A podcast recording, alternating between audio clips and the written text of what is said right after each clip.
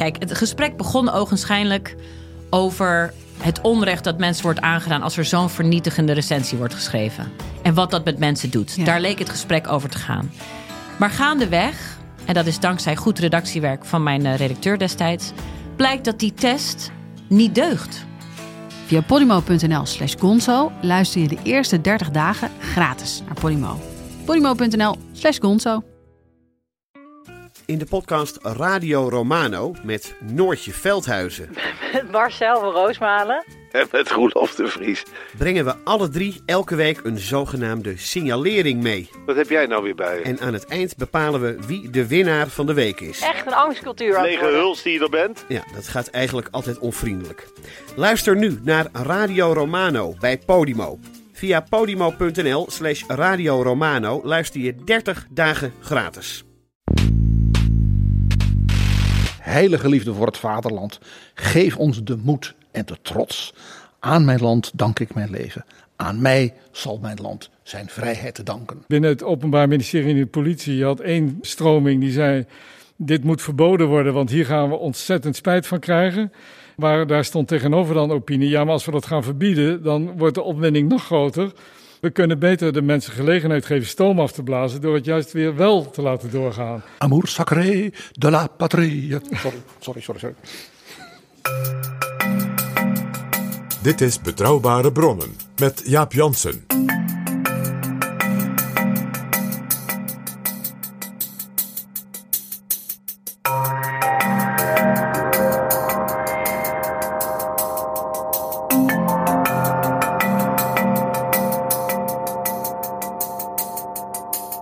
Welkom in Betrouwbare Bronnen, aflevering 373. En welkom ook PG. Dag Jaap. PG, we nemen deze aflevering op in het gebouw van Beeld en Geluid in Hilversum in het kader van de Dutch Media Week. En graag verwelkom ik ook de mensen die live meeluisteren hier in Theaterzaal 2. U bent allen van harte welkom. Ik zwaai even naar u.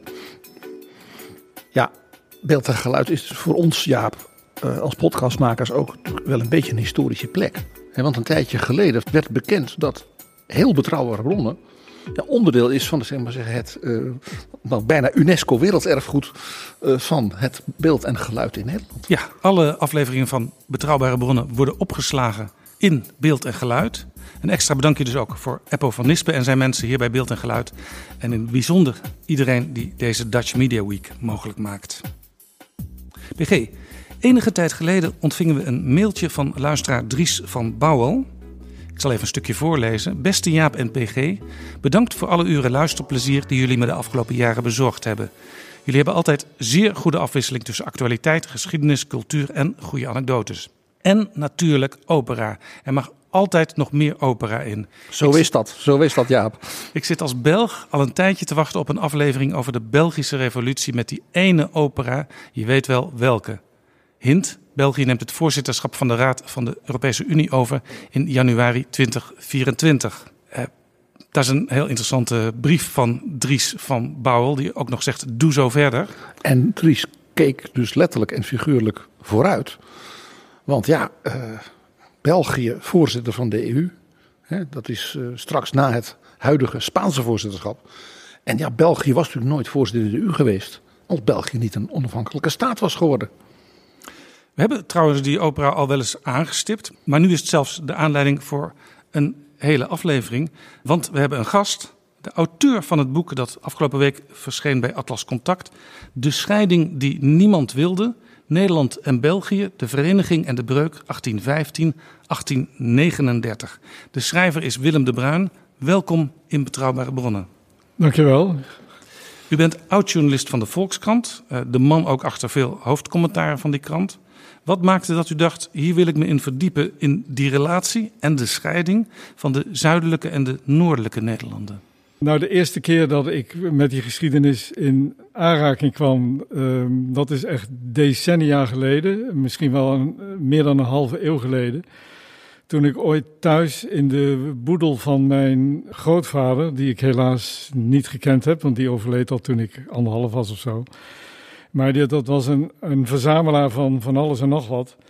En eh, ik vond in een doosje ook een medaille. En ik dacht eerst een medaille. Eh, hij, volgens mij was hij nooit in dienst geweest in ieder geval. En Die bleek ook van zijn overgrootvader weer te zijn. En dat was een aandenken aan de deelname van, die, van dat familielid aan de tiendaagse veldtocht. Oh, En, maar ik werd al gauw van een illusie beroofd. Ik dacht van, goh, wat voor een heldendaad zou die verricht hebben. Maar ik kwam er al snel achter toen ik me daar even iets meer in verdiepte. Want ik wist daar helemaal niets van. Dat iedereen die levend terug was gekomen die medaille had gekregen. Dus het was eigenlijk meer een soort eh, vierdaagse kruisje dan een... eh, Hij had zich niet zoals Jan van Spijk opgeblazen met zijn schip en een nationale held geworden. En, eh, en, eh, en om het nog erger te maken, die medailles werden geslagen van omgesmolten kanonnen die op de Belgen waren buitgemaakt. Dus Hollandse kon het eigenlijk niet. Van, eh, die tiendaagse veldtocht was eh, de hele merkwaardige finale van de relatie Nederland-België als eenheidsstaat. Want eh, het zuiden was al verloren voor het noorden. Ja. Maar ze moesten toch nog even laten zien dat ze er waren. En dat ze eigenlijk wel de kracht hadden om België terug te veroveren. Nou, het was vooral eh, Willem I die grote moeite had zich bij de halvering van zijn koninkrijk neer te leggen.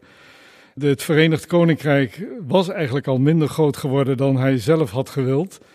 Eh, zijn plannen gingen eh, nog veel verder. Hij had een rijk in gedachten dat tot de Rijn en de Moezel reikte.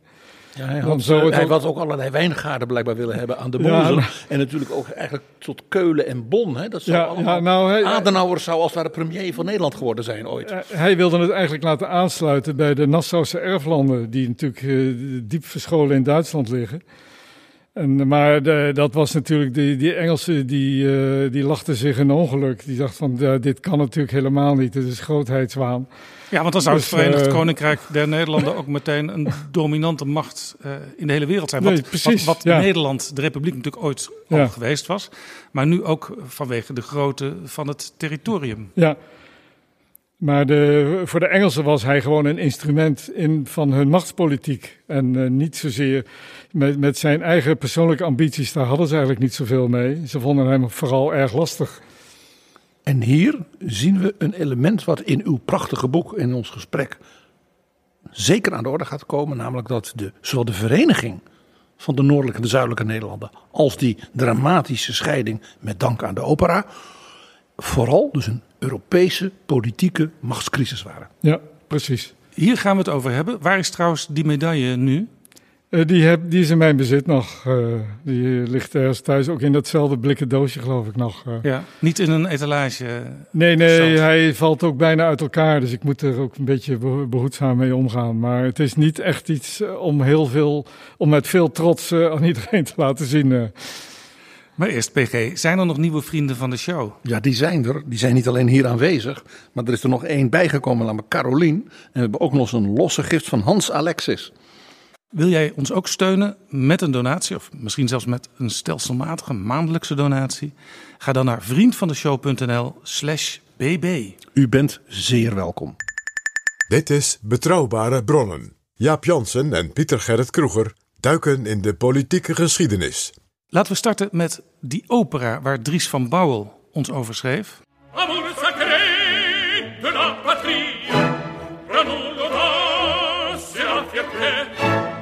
mon pays, je dois la vie, il me devra sa liberté.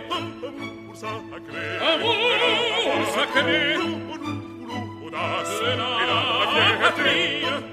Sacré, l'audace, audace et la fierté.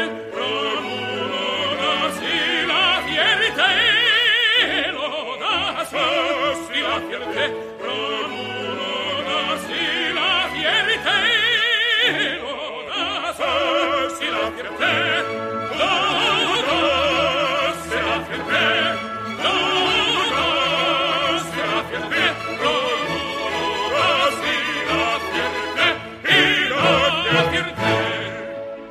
Willem de Bruin, deze opera in de Muntschouwburg in Brussel bleek het start zijn voor de revolutionaire gebeurtenissen die leidden tot de afscheiding van Nederland. Ja, om te beginnen ehm, denk ik dat het belangrijk is eh, te benadrukken dat, kijk, in de overlevering heeft het verhaal postgevat dat die opera het start zijn was voor een soort spontaan volksoproer. Maar ehm, inmiddels is wel duidelijk dat daar eigenlijk geen sprake van was, maar dat het volledig ingestoken oproer was. Ja, misschien even situatieschets. Er werd in augustus 1830 een Italiaanse opera opgevoerd. Franse opera. Franse. Maar hij gaat over de Napolitanen. Ja. Die in opstand komen tegen de Spaanse overheersing in 1647. Het is een hele grote opera, veel spektakel. En het gaat eh, in dit verhaal met name om het duet in de tweede acte. Je moet het zo zien, ehm, die opera was bedoeld als sluitstuk van de festiviteiten rond de verjaardag van Willem I. De hele koninklijke familie was ook al eh, aanwezig geweest bij de eerste Bij de, bij de uitvoering. première, ja. En eh, iedereen was toen vol enthousiasme geweest. Wat een prachtig muziekstuk en eh, niks aan de hand. Niemand had een associatie gelegd met eh, wat voor een eh, onvrede in eigen land dan ook. Van, eh, Het was nog gekker. Eh, de première was het jaar daarvoor in Parijs. Dus dit was moderne muziek. Dus het feit, je zag dus ook dat Brussel het jaar daarop de première kreeg. Dus de eerste, zeg maar, in een groot operahuis buiten Parijs. En dat gaf dus aan dat de Nederlanden, en zeker de stad Brussel, net als toen, net als nu overigens, dus een centrum was van eh, hoge kunst, moderne kunst. En dat bij die première zelfs de koninklijke familie aanwezig was. Dat, daar speelt natuurlijk een dingetje bij. De Oranjes identificeerden zich natuurlijk graag met een opstand van het volk tegen Spanje. Want die opstand van die vissers in Napels was tegen de koning van Spanje. Dus het paste eigenlijk helemaal bij die familie van Oranje. Ja, Eh, Maar het volk eh, had een andere indruk van wat die opera kon betekenen.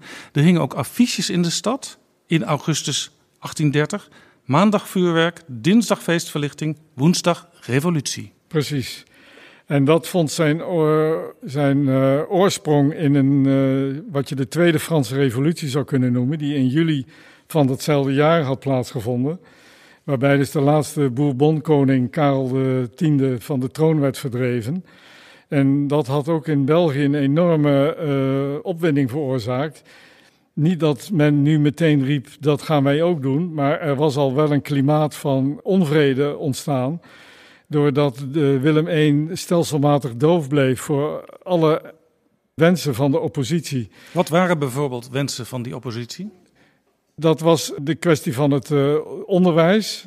Hij wilde, eh, wat eigenlijk ook helemaal niet zo'n gek idee was, het onderwijs volledig onder overheidscontrole brengen en uit de handen van de katholieke kerk eh, halen. En hij wilde ook het Nederlands als taal. En hij wilde het Nederlands als de enige landstaal, het Nederlands.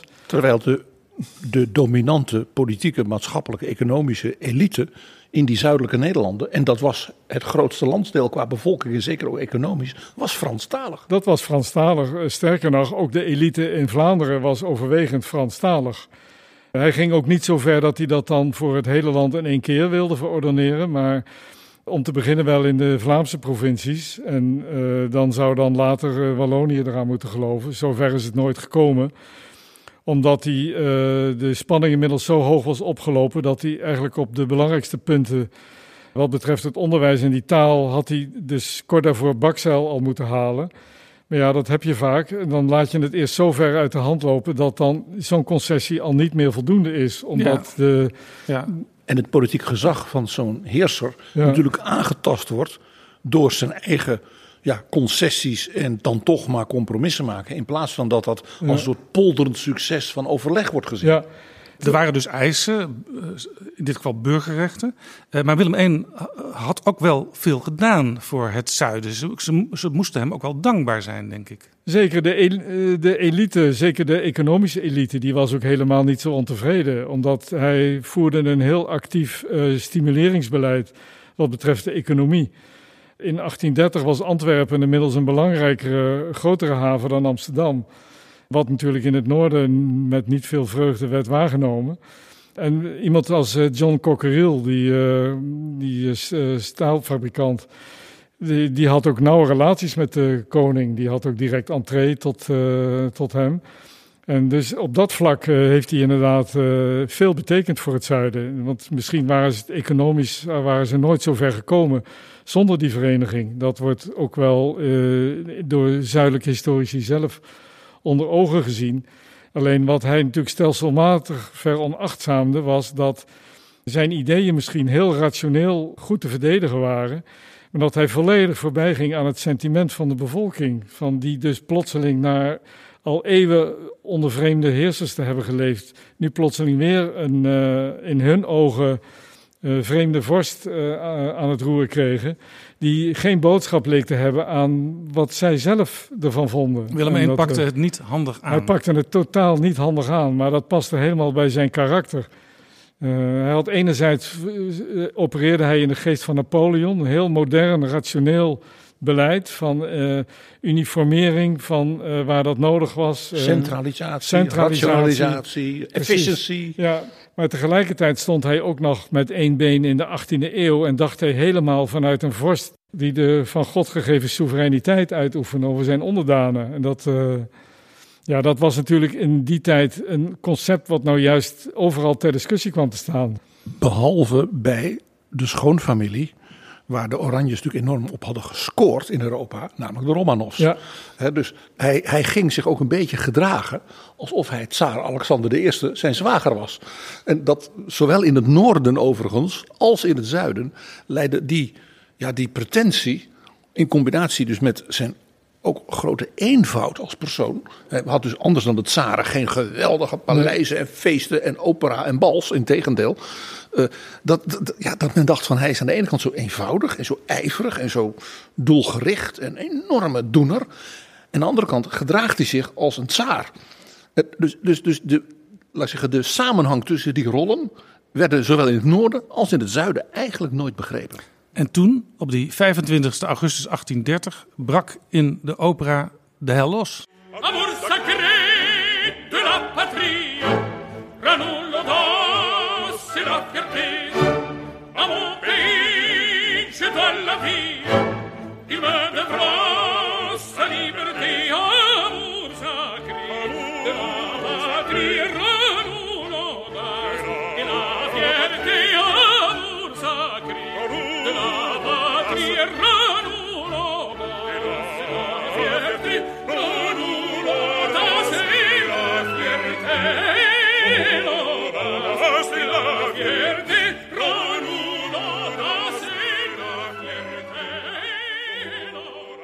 De revolutie En wat, en wat zongen ze nou? Ja, dat was een duet van de bariton en de tenor.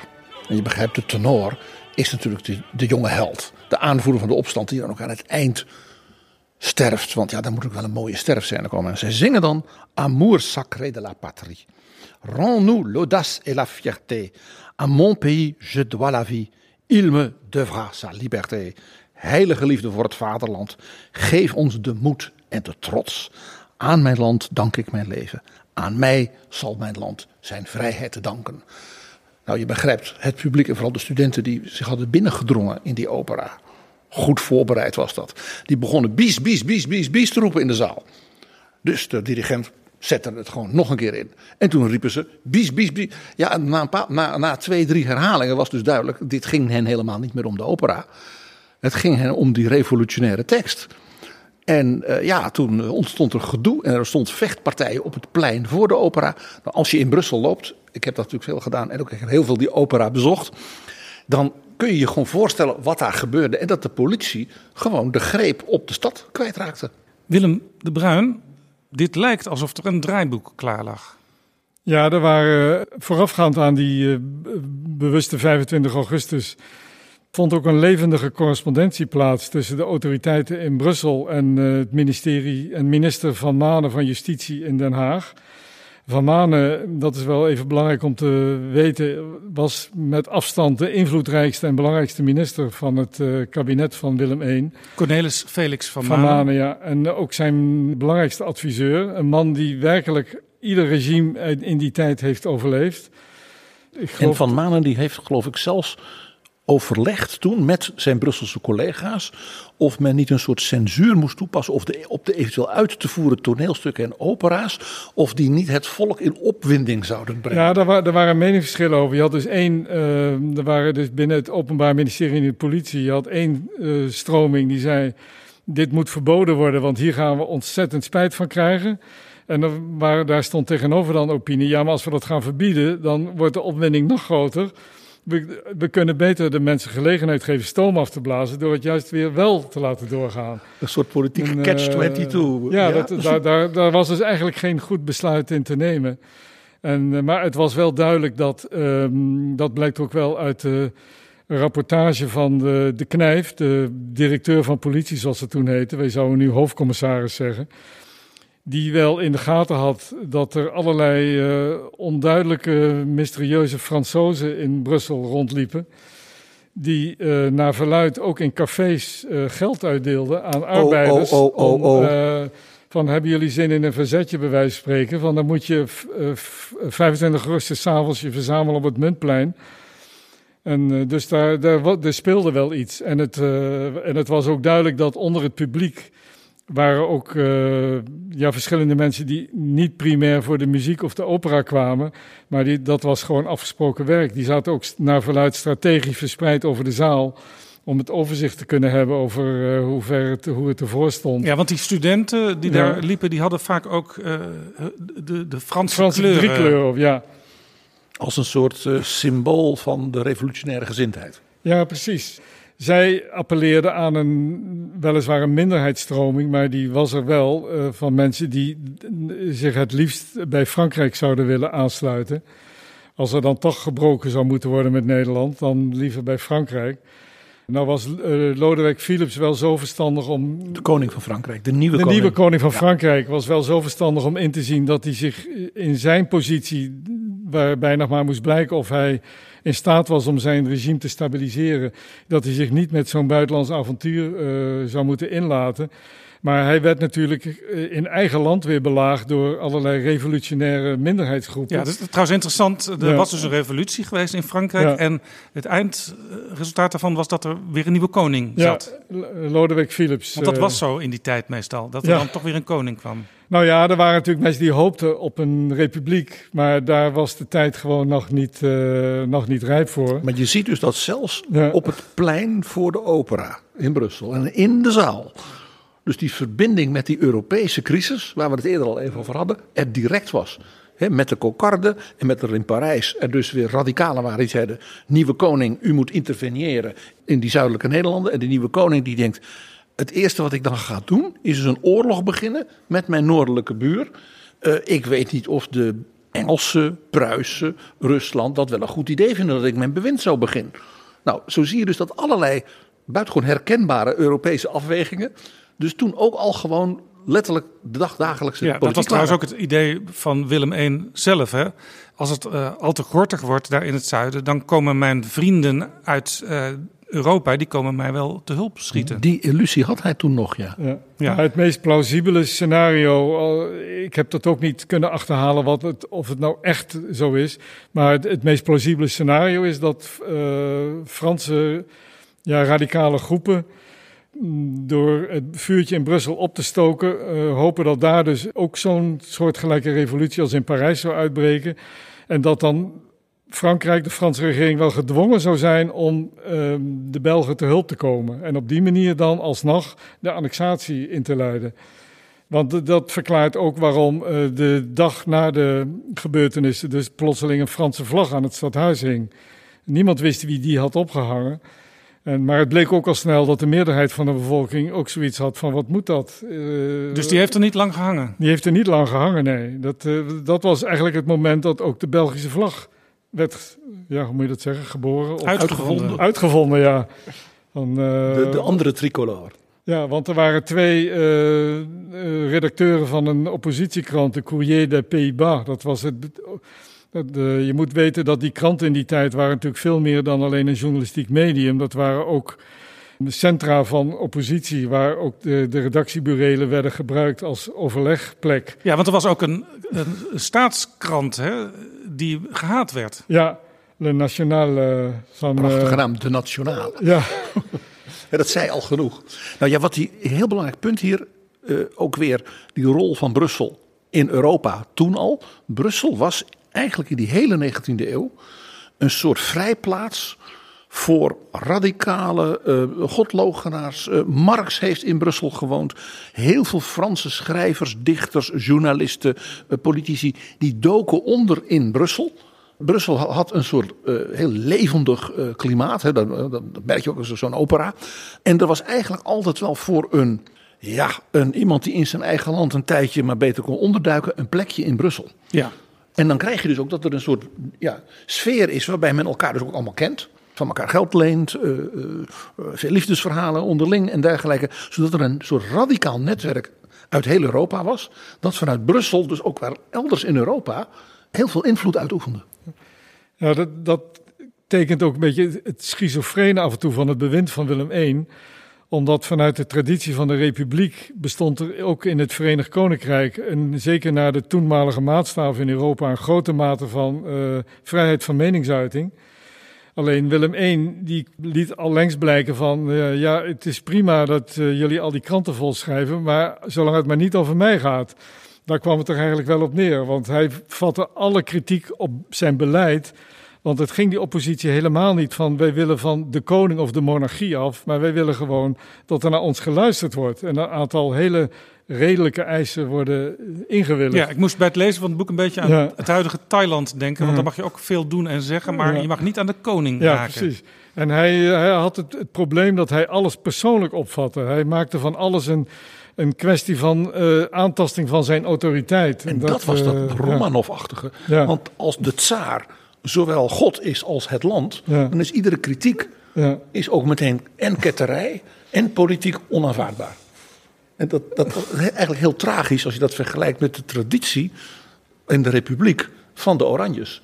Die toen zoiets als een soort, eigenlijk een soort beschermheer waren van een politiek systeem waarin ja, toch eigenlijk heel veel gezegd kon worden. Ja. En dat maakte ook dat, dat bijvoorbeeld die, uh, dat was misschien wel de, de allerbelangrijkste eis van de oppositie. Zeker naarmate de tijd vorderde, namelijk invoering van de ministeriële verantwoordelijkheid. Ze zei, voer dat nou in, dan, dan kun je ministers ontslaan uh, zonder dat de koning daar zelf schade van ondervindt. Dat is interessant, dan, uh, dat is interessant van, uh, want die eis werd in feite ja. niet heel lang daarna, in 1848, in de grondwet ja. vastgelegd door grondwetschrijver Thorbecke, ja. die trouwens hoogleraar was in Gent. In Gent ja. Maar Thorbecke is in hoge mate beïnvloed geweest door zijn jong hoogleraarschap in Gent. Want hij was daar hoogleraar economie.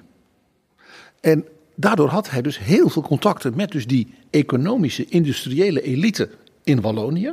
En dus de ruimdenkende, vooruitstrevende, economisch denkende elite in bijvoorbeeld Antwerpen en in Gent. En dat beïnvloedde dus vervolgens zijn politieke denken. Hij vond het ook heel spijtig dat die scheuring plaatsvond. Ja, hij had ook weinig op met die, dat het... Uh die smalende reacties in het noorden na de scheiding. Van blij dat we van die, uh, van die muitende Belgen af zijn. Hij vond het gewoon een ontzettend gemiste kans. Van, dat was gewoon helemaal niet nodig. Want uh, hij zag ook heel goed dat dat idee dat er zoiets als een Belgische natie zou bestaan, dat dat op drijfstand was gebaseerd. Af en toe hoor je in betrouwbare bronnen een advertentie, maar vaak ook niet. En dat is jammer, want we hebben graag meer adverteerders. Want ook daarmee houden we betrouwbare bronnen online. En je bereikt via betrouwbare bronnen een interessant publiek van mensen, ook een groot publiek van mensen. Heel veel jonge mensen. Met grote maatschappelijke politieke belangstelling. En natuurlijk, ja, ik zeg het een beetje uh, ondeugend, Jaap. De decision makers van Nederland en in Brussel. Stuur een mailtje aan adverteren.dagenacht.nl en dan neemt de reclameafdeling van Betrouwbare Bronnen, ja ja, neemt dan contact met je op. Adverteren,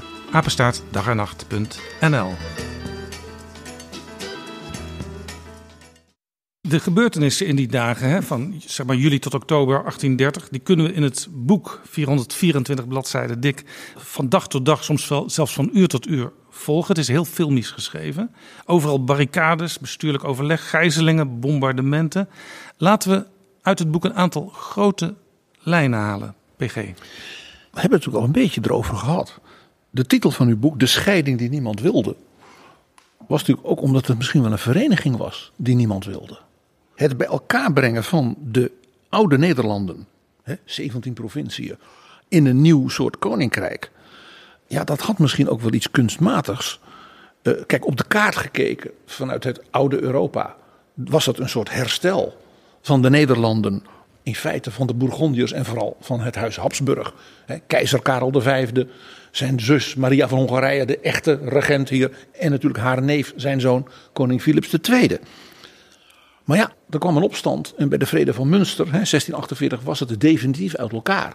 Was het niet zo eigenlijk dat dus die noordelijke Nederlanden als republiek, met een protestante cultuur en een mercantiele cultuur, en ook wel wereldwijd kijkende cultuur, en die zuidelijke Nederlanden die door, door Oostenrijk werden geregeerd. En dat was dus een klassiek katholiek, aristocratisch, Habsburgs bewind. Te veel uit elkaar waren gegroeid om nog, als het ware, met een pennenstreek weer bij elkaar gevoegd te worden. Ja, dat is een, eh, een terechte vraag. Dat is natuurlijk de kern van het probleem, zou je kunnen zeggen, wat, wat toen speelde. Er kwamen natuurlijk twee dingen samen. In de eerste plaats zaten de grote mogendheden met de vraag van uh, hoe moet Europa eruit gaan zien na Napoleon? Nou, dat heeft geleid tot dat fameuze congres van Wenen. De Engelsen die uh, gingen zoals altijd puur vanuit machtspolitieke overwegingen dat overleg in. Evenwicht Dan, op het uh, continent. Evenwicht. Dus Frankrijk moest worden omgeven Geven door, een aantal andere machten. Ja, Pruisen aan de ene kant en in het noorden uh, hadden zij zoiets, daar moet een, een, een sterkere schildwacht komen dan er nu is. En de, En- en de grote man in Wenen. Hè, Clemens von Metternich, de Oostenrijkse chef, het politiek genie van die tijd. Die was toch al van plan dat België, die zuidelijke Nederland, wat dus Oostenrijks was, te dumpen. Dat wist officieel niemand. Maar hij zei: Wat moeten wij vanuit Wenen? Dan hebben we daar een prins in Brussel. Die heeft dan ruzie met iedereen. Dat kost ons geld. Ik wil wel een concessie doen. Dus ik geef dan dat België.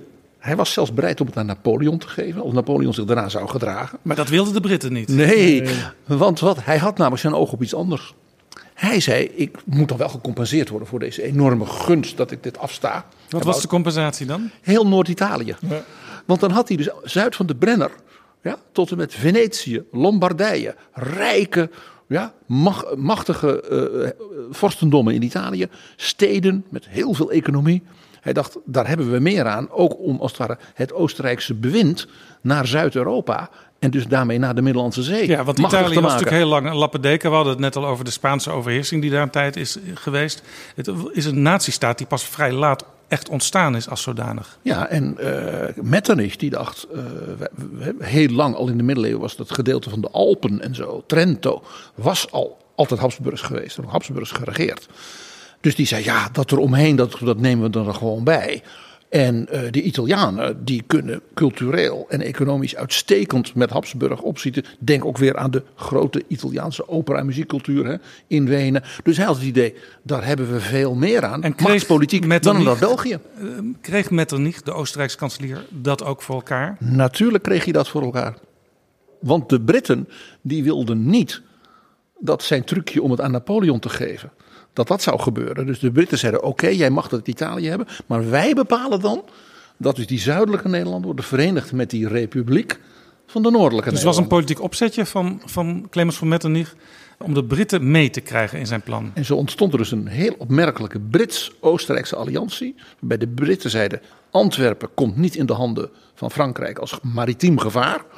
En de Oostenrijkers krijgen hun Italiaanse buitenhuisjes. Ja, ik, denk wel, ik denk zelf wel dat het omgekeerd was. Dat de Britten die wilden al vanaf het begin die vereniging. En, en met, Metternich heeft zijn Metternich- en ruil die- daardoor kunnen realiseren. Ja, en die, die zei ook al heel in een vroeg stadium tegen Wi- Willem I, die toen nog gewoon eh, eh, prins was, geen koning. Van ja, alles goed en wel, maar je moet je even gedijst houden, want we moeten wel eerst die Oostenrijkers meekrijgen. Want het is formeel, kunnen zij dat weer terugeisen, dat grondgebied. Nederland was dus in die tijd, zeg maar, eh, de Gouden Eeuw was voorbij. We waren Ja. niet meer de wereldmacht.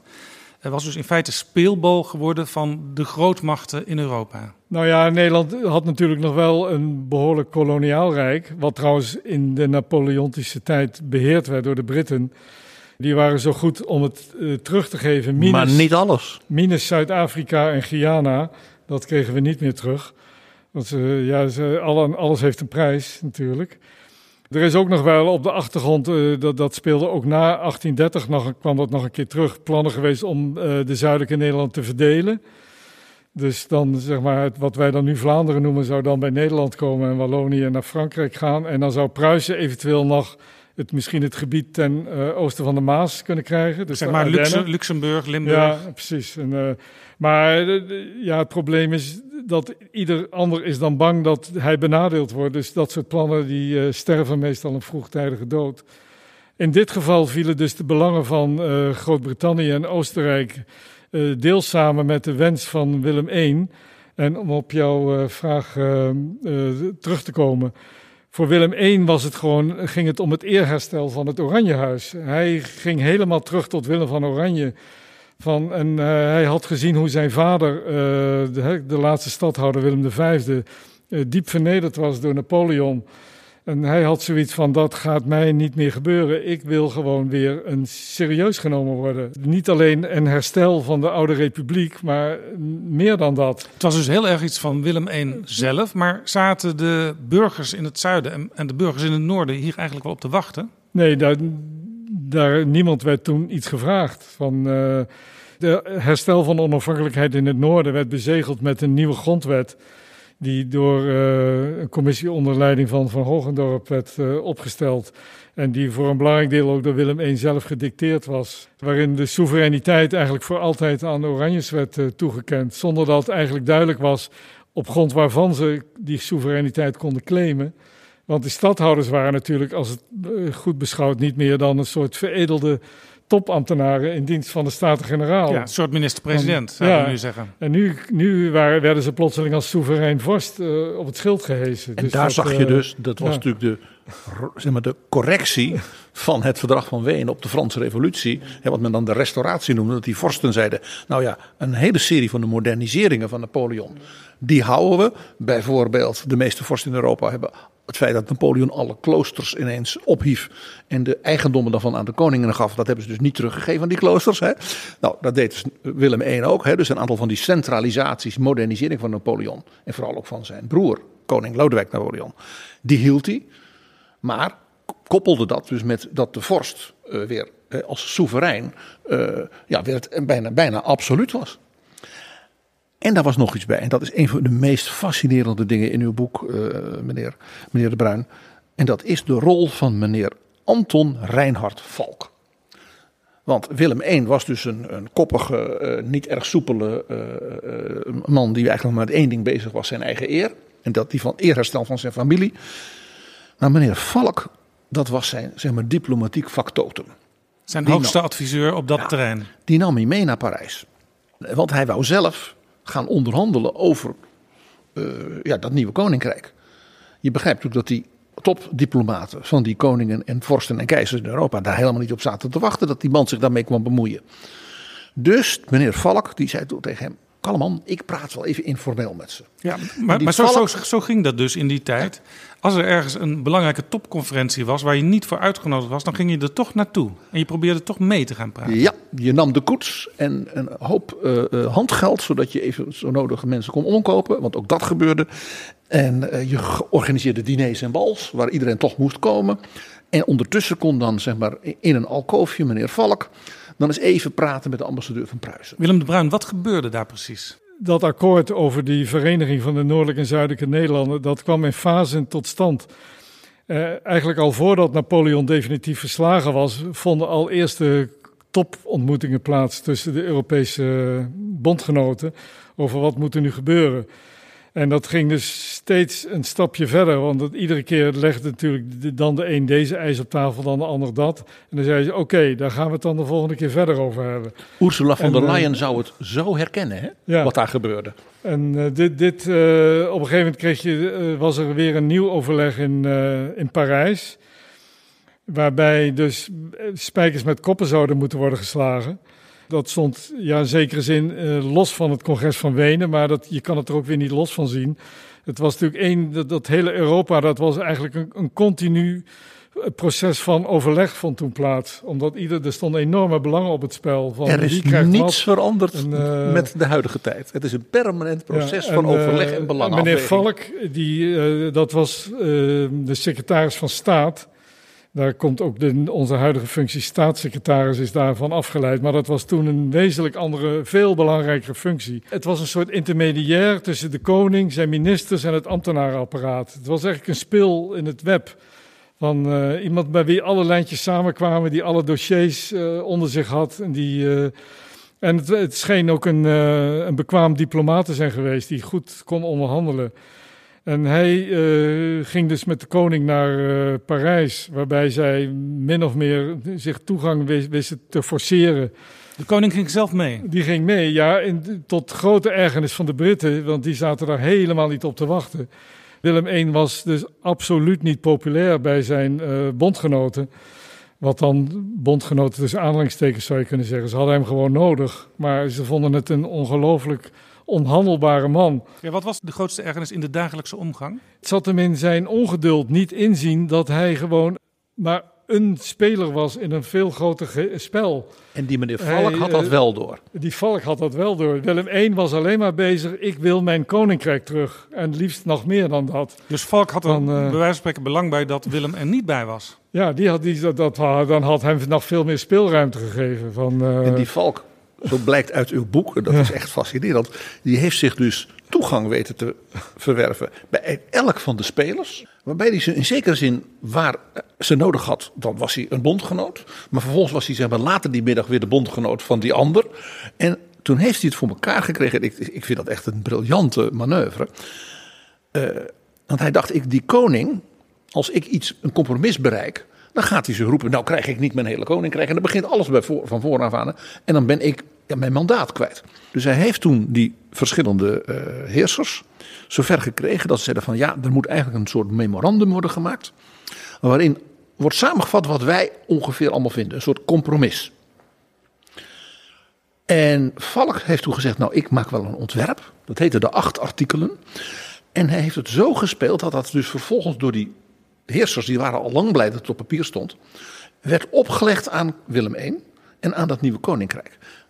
Dus er werd gedaan alsof dit, ja, dit is verplicht, we kunnen niet anders. Het is net het Europees overleg van nu. We zijn eruit, we moeten wel. Het moet van Brussel. Maar hè, dat hebben we nu ook. Maar in feite had dus meneer Valk dat zogenaamde dictaat zelf geschreven. Hij hielp Willem dus. Uh, begreep Willem dat ook meteen dat dit allemaal in zijn belang was wat hier gebeurde? Nou, dat heeft hij hem echt moeten uitleggen. Dat heeft hij je moeten uitleggen. Ja, want eh, de Valk was er ook als eerste die meteen bedong dat dit absoluut niet openbaar mocht worden. Van dit moest geheim blijven tot in Wenen definitief zou worden besloten dat dat Verenigd Koninkrijk er zou komen. Op die en die voorwaarden. En die voorwaarden waren de acht artikelen. Waarbij uh, het belangrijkste misschien nog wel was dat er in het hele koninkrijk godsdienstvrijheid zou heersen. En iedereen, ongeacht zijn uh, religie, voor iedere functie benoembaar zou zijn. Wat natuurlijk wij, zeg ik dan maar even, hier in, in het noorden vanzelfsprekend vonden. Nou ja, het, het, was natuurlijk wel ook een echo van Willem van Oranje. Ja. En van Napoleon. Dat was het interessante. En, en die Valk had dus door van, van dit moet volledig geheim blijven. Al helemaal natuurlijk dat zijn pen het ja. stuk had geschreven. Want die begreep het bekende punt in elk internationaal overleg. Er is pas een akkoord als er een definitief akkoord is. Ja. Op het laatste moment kan het eerder bereikte akkoord, zelfs een deelakkoord, ja, een deelcompromis, weer worden opgeheven. Daarom het is net dat, als in kab- kabinetsformaties en het is net als in Europees overleg van vandaag. Die Valk zou zo lid van de Europese Commissie voor Nederland van vandaag kunnen zijn. Zo gezegd, zo gedaan, zou je kunnen zeggen. Willem I werd koning ook van de zuidelijke Nederlanden. En hij begon zijn bewind met een toespraak in Brussel. waarin hij zich eigenlijk plaatste in de traditie van de Habsburgers. Ja, hij zei zelfs bij zijn eerste grote speech in Brussel, waarin hij ook ingehuldigd werd, dat hij dus als het ware de opvolger was van een kind van de zuidelijke Nederlanden. Ja. Namelijk keizer Karel V, de Bourgondische koning van Spanje, maar ook heer der Nederlanden. Dat was natuurlijk slim, want dan hadden die Belgen het idee. Die Willem is ook één van ons. En hij zei, Karel V en zijn zus Maria van Hongarije, die hebben een jonge Duitse prins opgevoed tot een heerser en een wijsman en dat was Willem van Oranje. Dus hij was zowel de opvolger van keizer Karel, de jongen uit Gent en Mechelen, als van Willem van Oranje En daarmee was hij als daar zowel die Europese staatsman, hè, die hij nu van zichzelf had gemaakt, als ook iemand die in beide landsdelen zeg maar, zijn wortels had. Ja, ik voltooi, eh, dat was een beetje zijn boodschap. Ik voltooi wat Willem van Oranje niet vergund was om af te maken. Van zo moet, dat was een beetje zijn boodschap aan de Zuiderlingen. Hoe, Van, hoe werd dat ontvangen in Brussel en in al die andere steden in het zuiden? Nou, met veel sceptisch. Omdat ze zoiets hadden van eerst zien dan geloven. Men, eh, eh, het punt was, eh, voor die, van het zuiden werd niks gevraagd. Er is nog wel in, in het kader van het overleg, wat net, waar we het net even over hadden, is nog wel een poging gedaan door een delegatie van zuidelijke notabelen, zoals het toen genoemd werd. Van, die hebben toen nog belet gevraagd in Parijs van, ja, mogen wij, worden wij ook nog een keer gehoord? En, maar ja, dat, dat wist toen Valk en bekwaam eh, onschadelijk te maken, die suggestie. Die zei, ja, maar dat heeft helemaal geen zin meer, want die acht artikelen zijn al aanvaard. En dus eh En die overleg is niet, nodig meer, is niet meer nodig. En Valk speelde de vermoorde Ja. onschuld door te zeggen: ja, dat is ons opgelegd door, Frank, door Pruisen, door Rusland, door Oostenrijk, door Engeland. Ik ben maar een eenvoudige ambtenaar. Maar ondertussen zat die Valk ook de deur dicht te houden voor al die notabelen die toch nog even wilden meepraten Ja, vanuit het tuurlijk. En de, en de Britten die beriepen zich op het recht van verovering. Wat hè, ook een heel ruim, vaag gedefinieerd beginsel in het volkenrecht is. Van de overwinnaar, het komt er eigenlijk op neer, de overwinnaar bepaalt wat er met de verliezer gaat gebeuren. Ik vat het nu wel even heel ruw samen. Maar zij zeiden van ja, de, dus jammer maar helaas. En eh, Van Hogendorp, die heel kortstondig nog even minister van Buitenlandse Zaken is geweest. Die vatten het nog botter samen. Die zei: Als jullie nou jezelf hadden bevrijd. in plaats van anderen het werk te laten doen. dan had je misschien recht van spreken gehad. Maar nu is het een kwestie van jammer, maar helaas. Van, eh, ja, dat was, ja, dat zo werkt machtspolitiek. Dus, eh, dus, dus eh, nog even dat woord in het spotlicht zetten. Skepsis heerste alom bij het aantreden van Willem I. Ja, en eh, men verzoende zich vooral dankzij het optreden van de kroonprins, dus de latere koning Willem II, die tijdens de slag bij Waterloo, eigenlijk daarvoor, natuurlijk een belangrijke rol had gespeeld in het eh, afstoppen van Napoleon. Toen hij na zijn ontsnapping van Elba nog een, een poging deed om zijn gezag te herstellen. Toen hadden ze in het zuiden zoiets van, nou ja, dan nog liever oranje dan wanneer we de, Fransen weer terugkrijgen. maar vooral deze Oranje, de zoon dus de van Willem zoon, I. ja, die, eh, en- maar die was ook qua persoonlijkheid zo totaal anders dan zijn vader. En dat was Die, meteen eh, een ja. van de redenen Ja. waarom het in de volgende jaren voortdurend weer misging. Ja. Maar wat het mooie in uw boek is dat u als het ware het conflict en het volstrekt niet elkaar kunnen en misschien ook wel niet willen begrijpen van die vader en die zoon voortdurend door het verhaal heen loopt en dat ze daardoor ook alle twee gemanipuleerd konden worden door anderen. Ja, en allebei uiteindelijk als verliezer uit de strijd tevoorschijn kwamen. De kroonprins die zag wel in dat zijn vader veel te hard van stapel liep in het zuiden. En die had een veel betere antenne van wat daar speelde. En die was ook veel makkelijker in de omgang, veel wereldser vooral. En die had natuurlijk al een, ja, een, training gehad op het slagveld in Spanje onder Wellington. Die natuurlijk ook de grote geallieerde bevelhebber in bij Waterloo was. Die was uit een heel ander hout gesneden. En die bleef ook demonstratief in Brussel wonen na de hereniging. Dat was natuurlijk ook omdat zijn vrouw, de Romanov-prinses Anna Pavlovna, de dochter van Paul, in Brussel tenminste nog wel eens naar een bal kon en naar een opera en grote feesten zoals ze gewend was in Sint-Petersburg. Maar toen zij natuurlijk voor als prinses der Nederlanden in Den Haag aankwam, eh, werd haar dus verteld dat ze op zondag niet naar buiten mocht. Want dat niemand in Den Haag zondag naar buiten ging. Ze was in Sint-Petersburg echt iets anders gewend.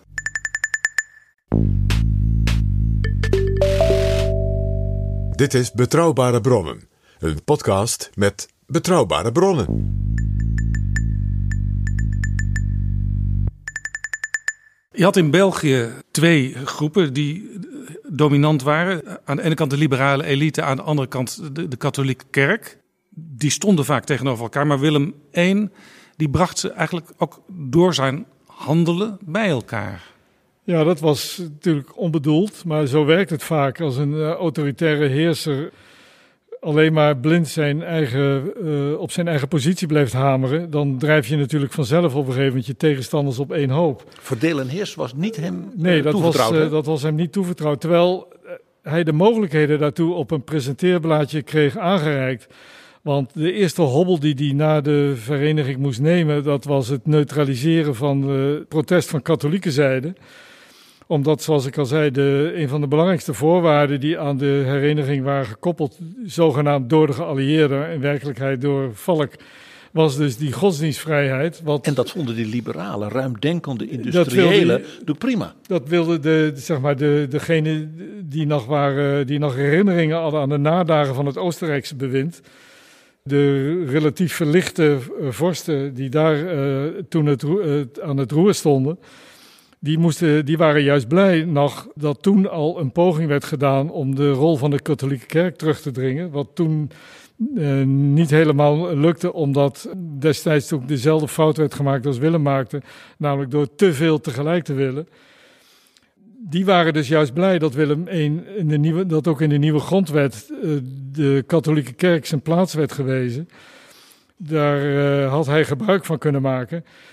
Wat hij in het begin ook wel deed, maar hij vatte de steun van die liberale zijde als zo vanzelfsprekend op dat hij ook verder geen poging meer deed om te kijken wat zij dan wel Ja, natuurlijk ook omdat hij Ja. de, de, de koning koopman was. Hij zorgde voor industrialisatie. Ja.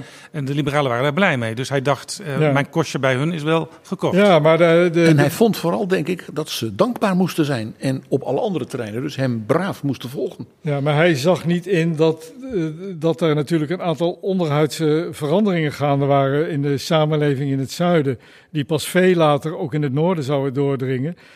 Hij staarde zich ook te veel blind op de elite, die nog, eh, de, waarvan de oudste leden natuurlijk nog herinneringen hadden aan het Oostenrijkse bewind. Dat waren mensen die waren opgegroeid in de traditie van zeg maar, de, de verlichting, maar dan in de zin van dat een, eh, niet zozeer het idee dat de samenleving gedemocratiseerd moest worden, als wel, ge, zou je kunnen zeggen, geseculariseerd en gerationaliseerd. Maar daar was inmiddels een, een mede doordat de bevolking steeds beter opgeleid werd, doordat er nieuwe universiteiten kwamen, kwam er ook een jongere generatie eh, op die een heel ander accent legde. Die, hen ging het vooral om de burgerrechten, om de vrijheid van meningsuiting, persvrijheid. En dat waren eh, over het algemeen jonge Franstalige juristen, journalisten. Die eh, hielden zich met hele andere zaken bezig. En die spiegelden zich ook vaak nog aan de, aan de grondbeginselen van de Franse Revolutie. Daar had hij totaal geen oog voor, want die mensen stoorden zich in de eerste plaats aan het feit dat alles in het Nederlands moest voortaan, als dan Willem I lag. Ja, dus hij, hij joeg aan de ene kant de katholieke kerk en de klerus in de gordijnen. Eh, eh, was daar ook bruut in. Hij, dat hij bepaalde bisschoppen gewoon eh, voor de rechter sleepte. En dan vluchtten ze maar naar het buitenland. Nou, toen heeft hij uiteindelijk nog een soort deal met de paus gesloten. Een verhaal op zich in uw prachtige boek. Maar tegelijkertijd had de mensen die hem daarbij hadden kunnen steunen in het zuiden, die schoffeerden niet weer, doordat hij de nieuwste ideeën, de nieuwste ontwikkelingen, als het ware negeerde. Ja, Dus, en toen kreeg je dus een soort tactische alliantie in het zuiden, waarbij dus de katholieken en dus die liberalen, die verder niks van elkaar moesten hebben, verenigd werden doordat ze zeiden, die koning, ja dat is zo'n plurk. Willem presenteerde zich als een soort van eh, opvolger van de Habsburgers.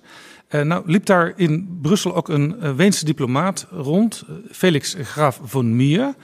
Die bracht steeds de kanselier Metternich op de hoogte.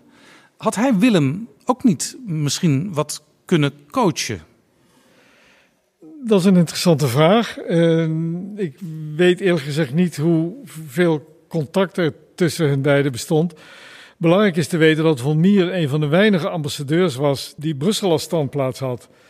De meeste die waren naar Den Haag ver- verhuisd of hadden zich in Den Haag gevestigd. Ja, dus dat, dat betekent impliciet eigenlijk dat de meesten niet precies dat gevoel van die burgerij daar in België hadden. Nee, maar zij, zij legde zich neer natuurlijk bij de toenmalige gewoonte dat de zetel van de ambassadeur is de residentie van het land waar je gesta- gestationeerd bent. En zoals nu alle ambassades nog in Den Haag zitten.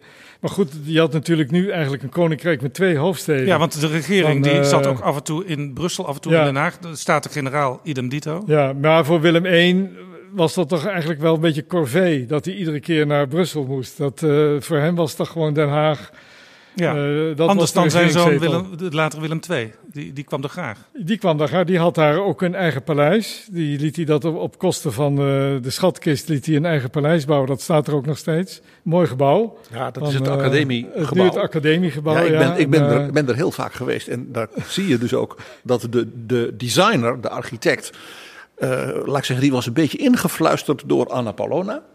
Want je hebt een enorme trappenhuis. En dan is er een zaal die gewoon over de volle lengte van het hele gebouw, met enorme zuilen. En ja, dat is Sint-Petersburg. Dat is een soort balzaal. Of voor diners, zoals zij gewend was. Ja, als tsarendochter. En het is dus een volkomen on-Nederlands iets. En dan de, de bovenverdiepingen, dat zijn weer kleinere, kleinere ontvangstdingen voor een zeg maar, meer normaal eh, West-Europees paleis. Ja, hoe Willem I daar tegenaan keek, dat, je ziet ook dat, dat verschil tussen vader en zoon. Kijk, het huidige Koninklijk Paleis in Brussel is geen, dat, dat is op geen enkele manier nog te vergelijken met wat er, eh, hoe het er oorspronkelijk uitzag. Dat is helemaal, eh, dat is wel twee keer verbouwd eh, sindsdien. Maar het staat wel op dezelfde plek als waar de, het paleis van Willem I was. Maar die liet dus twee bestaande panden. De een was van de, de militaire gouverneur en de ander was van, geloof ik, de civiele Oostenrijkse bestuurder. Die twee panden die helemaal niet bij elkaar hoorden, die liet hij dus tot één geheel verbouwen. Wat uiteindelijk door de architect verknald werd. Want ik begreep ook dat ze voortdurend ruzie hadden, want hij, Willem I wilde voortdurend aanpassingen, want het werd te duur. Dus dat, het, schijnt een, het schijnt een ontzettend onhandig, lelijk eh, bouwsel te hebben opgeleverd. Wat, En bovendien Eh, was hij er dus nooit. Want ze waren voortdurend waren, waren ze aan het verbouwen. En dan was er weer een dak, was als half ingestort. Dus dan zat hij maar in het paleis in Laken. Ja. Aan de rand van Brussel. Daar was hij ook liever. Want dan was hij dus niet in die stad bij al die mensen. Ja, even nog terug. Ehm, Willem I eh, had geen kaars gereten van verdeel- en heerspolitiek. Anton Reinhard Valk wel, zoals we net eh, gehoord hebben. Waar is die man gebleven? Eh, nou ja, die wet eh, die ehm, trof hetzelfde lot als Van Hogendorp. Dat was ook een man met een behoorlijk ego. Die uiteindelijk eh, dan beloond werd dus, tussen aanhalingstekens met het vicevoorzitterschap van de Raad van State. En tot zijn grote ergernis, want die had zichzelf als de nieuwe raadpensionaris in gedachten gehad. Als een soort premier. Als een soort premier. De koning zou dan het symbolisch staatshoofd zijn. En Van Hogendorp die wilde dan raadpensionaris worden. Daar maakte Willem een korte metten mee. En sindsdien is het door, tussen die twee nooit meer helemaal goed gekomen. Maar ook met Valk. En Valk die... En eh, die, die- waar de koning had natuurlijk alle reden om Valk nou ja, een standbeeld te geven. Ja. Een, een vetleren medaille. En voor eeuwig dankbaar te zijn. Maar het omgekeerde die- gebeurde. Hè? Nee, ja, want Valk die... Ja, dat, goh, dat was ook een man die, die heeft zich waarschijnlijk ook af en toe kapot geërgerd aan eh, Willem I. Ja, en die, op een gegeven moment werd die, moest hij dus ook uit de weg geruimd, zeg in politieke zin. Dus die werd ambassadeur in Londen toen... eh, en eh, daar had hij natuurlijk, op zich kon hij daar nuttig werk doen, maar hij was in ieder geval bij de koning uit de buurt. Een soort Van, functie elders. Functie elders, ja, precies. Er was ook nog een andere man, eh, Cornelis Felix van Manen. Die eh, kwam het toneel op. Eigenlijk liep hij er altijd al rond, want hij eh, was zelfs al topjurist onder de Bonapartes en in de Bataafse Ja. Republiek. Maar die was eigenlijk, toen Willem I eenmaal ook de zuidelijke Nederlanden weer onder zich had, de belangrijkste adviseur geworden. Ja. Wie was dat? Dat was een buitengewoon intelligente, scherpzinnige jurist. Maar ook, eh, ja, hoe moet je dat zeggen? Ook een eh, enorme legalist. Die had zoiets van: eh, als het gezag stoelt op de wet, dan moet de wet gehandhaafd worden. En wie zich daartegen verzet, die krijgt met mij te maken. En in welke kant het opging, of het nou democratisch was of autoritair, daar, daar had hij niks mee. Want hij had zich had al bewezen zich aan ieder bewind te kunnen aanpassen. En had, was altijd braaf uitvoerder geweest. Maar altijd in de top. Want altijd hij, in de top. Want hij was al de hoogste Ja. jurist in de Bataafse Republiek. Ja. Vervolgens komt dan koning Lodewijk Napoleon, de broer van de keizer. Daar wordt hij meteen minister van Justitie en wat dan niet. Daar is hij dus ook meteen de nummer één minister. Napoleon krijgt ruzie met zijn broer. Dus de keizer neemt het zelf over. En wie wordt zijn allerbelangrijkste jurist? Meneer. Cornelis Felix van Manen. Hij was dus zeggen- een enorme politieke survivor. Ja. een opportunist, maar ook, ook dus iemand die blijkbaar toch wel mensen om zijn vinger wist te winden. Daar deed hij eigenlijk heel weinig moeite voor. Hij was gewoon heel erg rechtlijnig. Hij zei: Dit wil de koning, zo staat het in de wet. En ik ben een dienaar van de koning. Zo, zo, zo schijnheilig was hij dan natuurlijk wel steeds. Dus eh, zo gaat het gebeuren. Ik denk als Van Manen door de koning ehm, eerder aan de kant was gezet, dat dan een heel veel onheil was voorkomen.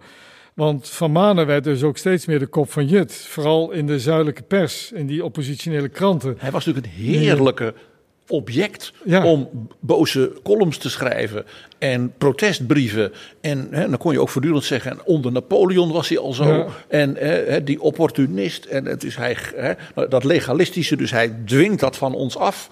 En de koning luistert niet, en dat is natuurlijk de schuld van Van Manen. Ja. En dat was natuurlijk prachtig, die man. Daar kon je dus heerlijke, heerlijke stukken over Maar schrijven tegelijkertijd, als revolutionaire eh, Van, journalist. Van Manen liet zich eh, door iedereen informeren. Hij sprak ook met, met al die ambassadeurs die er waren.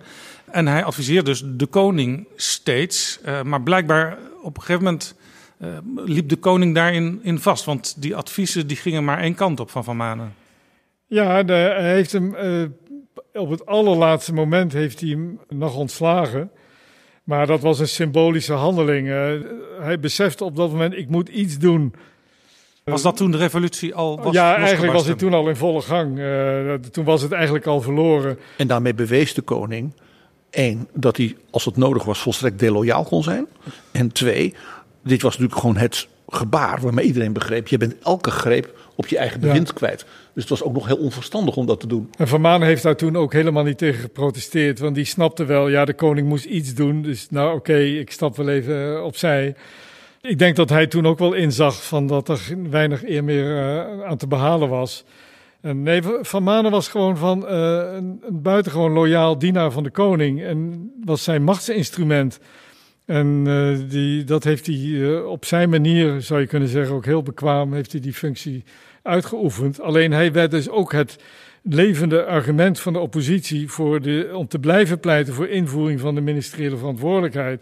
Want hij zei, dan had de koning dus gewoon van manen kunnen lozen, zonder dat het aan hem zou zijn blijven kleven.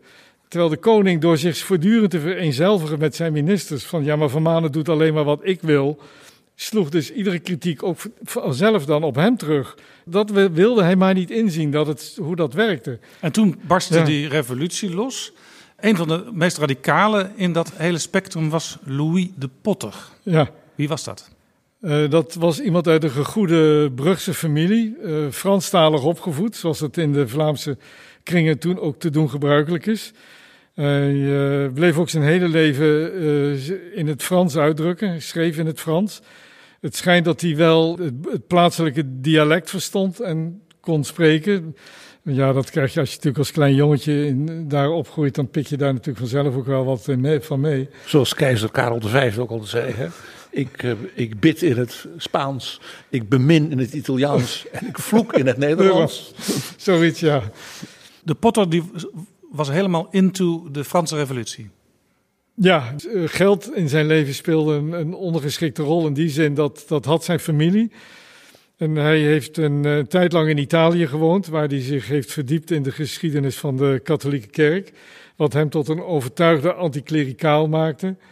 En hij was eigenlijk ook een overtuigde republikein.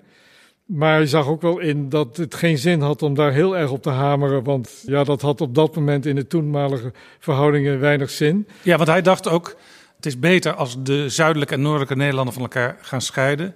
Maar ze mogen eventueel nog wel in een confederatie samen onder de Oranjes. Ja, die, die, dat had hij ook niet van het begin af aan hoor. Hij was, eh, in het begin stond hij zelfs op redelijk goede voet met de regering van Willem I. Hij steunde heel erg Willems beleid eh, om de katholieke kerk eh, onder controle te krijgen. Dat vond hij. Hij zei dat had natuurlijk al veel eerder moeten gebeuren. Daar was hij het heel erg mee eens. En hij was ook bevriend met Van Gobbelschrooi. Dat was een van de zuidelijke ministers. We hebben, eh, wat ook zo opmerkelijk is, in het, eh, de regering van Willem I in die tijd nooit meer dan twee zuidelijke ministers tegelijk gezeten. Dat was In de ministerraad. een- in de ministerraad. Dat is raar, want er waren op een gegeven moment meer zuidelingen dan noordelingen. Ja, dus dat was ook zo'n zo'n weeffout die die op een, een of andere manier niet wist te herstellen. Ja, in de, in de Staten-Generaal zaten wel veel zuidelingen. Ja, dat was half-half. Dat was een compromis. Hè? Dat was ook een compromis. Dat stond ook in die fameuze eh, acht artikelen. Dat had Valk dus zo Of nou, geregeld. in- in- dat nee, dus- ja, nee nou, sorry, ik moet me even corrigeren. In de acht artikelen stond dat de zuidelijke provincies eh, naar, eh, ehm, ja, naar redelijkheid zullen worden vertegenwoordigd in de Staten-Generaal. Omdat ehm, aan de Nederlandse kant toen al werd beseft, dat wordt nog een heel eh, puzzel, want er wonen in het zuiden gewoon meer mensen dan in het noorden. Dus als je een zetelverdeling naar evenredigheid invoert, dan zou het zuiden altijd de meerderheid hebben. En dat, was zou de- waarschijnlijk dus die liberale elite, die natuurlijk ook in de media en dergelijke dominant was, gewoon greep hebben gegeven op de regering in Ja. Brussel en in Den Haag. Ja, ja en het- maar de, die, die, die, zo'n zetelverdeling was voor de noordelijke elite absoluut onaanvaardbaar. En kijk, voor de, voor de Amsterdammers, om het zo maar even te zeggen, de Amsterdamse elite, hoefde die hele vereniging niet. Die hadden niks ook met dat verhaal van eh, ik sta in de traditie van Willem van Oranje. En die Amsterdamse kooplieden hadden alleen Ja. maar van dit gaat ons geld kosten. Die vonden ook dat, was, er eh, veel te veel aandacht voor Antwerpen en Gent en Luik en Brussel was. Die die Amsterdammers hadden zich niet voor niets ook als eerste verzoend met de scheiding eh, na de val van Antwerpen. Toen het zuiden definitief weer onder het Spaans gezag kwam en de, in het noorden de Republiek der Verenigde Nederlanden werden uitgeroepen. Want ik, ik wijd daar ook even een hoofdstuk aan van waarom is eigenlijk toen niet meer geprobeerd om dat, die breuk te herstellen. Dat was gewoon een, een hele coole belangenafweging. Van dat levert ons niks meer op als we dat nu nog proberen.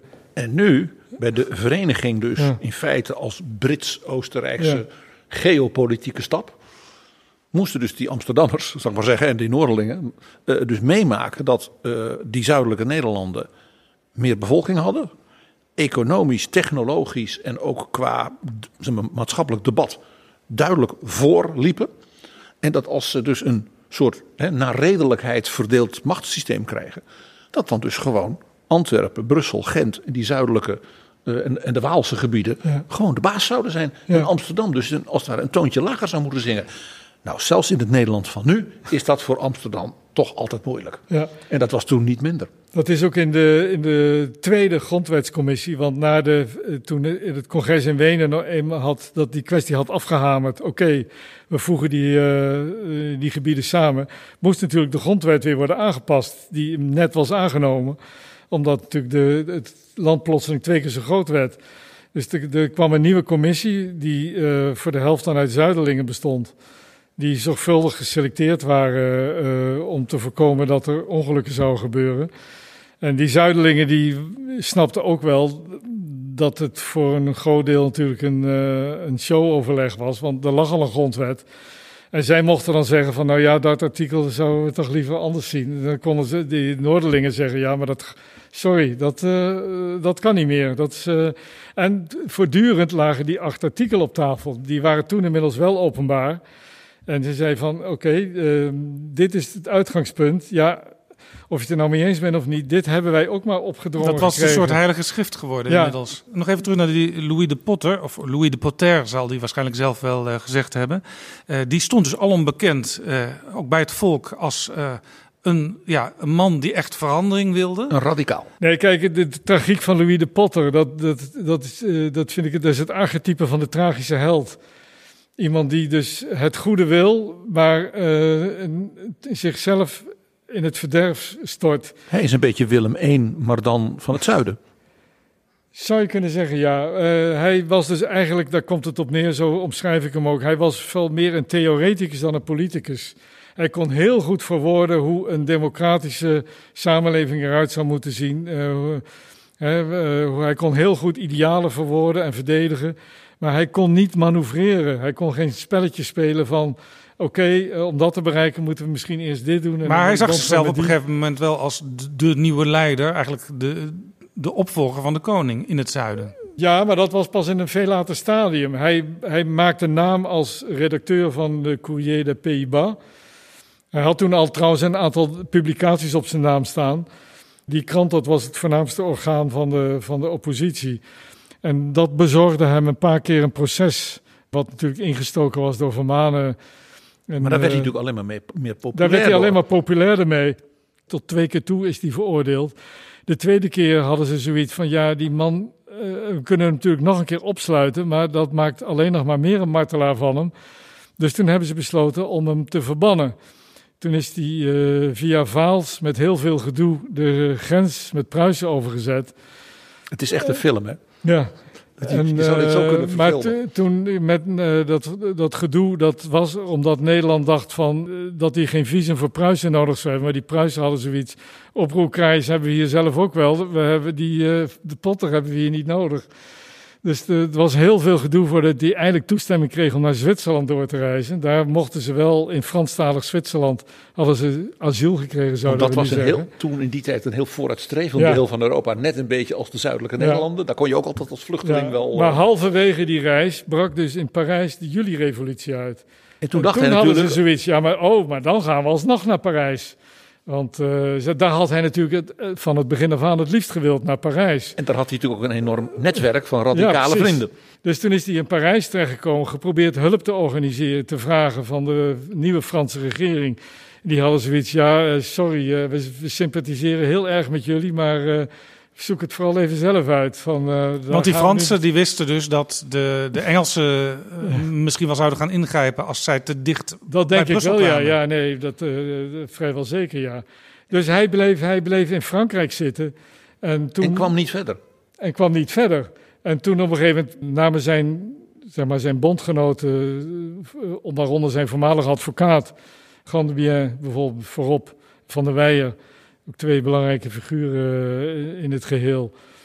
Die namen toen het voortouw in het zuiden. En toen is er op een gegeven moment in de aanloop naar de, de finale krachtmeting in september in Brussel, is er ook geheim overleg geweest in eh, Lille tussen Gandebien en, De en de Potter. Iedereen dacht toen, nou die de Potter die wil onmiddellijk mee terug. En dan hebben wij een populair boegbeeld. Dan roepen we een voorlopige regering uit. Ja, dus hij kon, hij kon meteen een soort premier of president worden. Als Ja, hij had alleen toen durfde hij in eerste instantie niet. Omdat hij bang was dat zolang het pleit niet in het voordeel van de opstandelingen beslecht was, hij bang was dat hij gearresteerd en misschien wel geëxecuteerd zou worden wegens landverraad. Dus toen is hij achtergebleven, wat volgens mij toen een grote vergissing van hem was. Omdat de anderen die gingen namelijk wel terug. Inmiddels was dus in september 1830 deed het leger dus een poging om alsnog het koninklijk gezag te herstellen ja, in het, Brussel. het, het noordelijke leger moeten we even voor Het de duidelijkheid ja, zeggen. nou ja, dat was toen nog wel een leger van het hele koninkrijk. Want zeker de infanterie bestond voor een groot deel uit zuidelijke soldaten. ja, maar die gingen natuurlijk wel, eh, muiten. nee, dat deden ze niet meteen. Dat viel reuze mee. Er waren Ze wel waren eigenlijk heel deserties. loyaal. Ja, er waren de wel deserties, maar de, het merendeel was toch nog wel- was wel loyaal. Maar goed, die, die, die strijd die mislukte om hele andere redenen volgens mij. Doordat ze zich totaal verkeken op de situatie ter plekke en op de eh, krachtsverhoudingen voor en achter de schermen.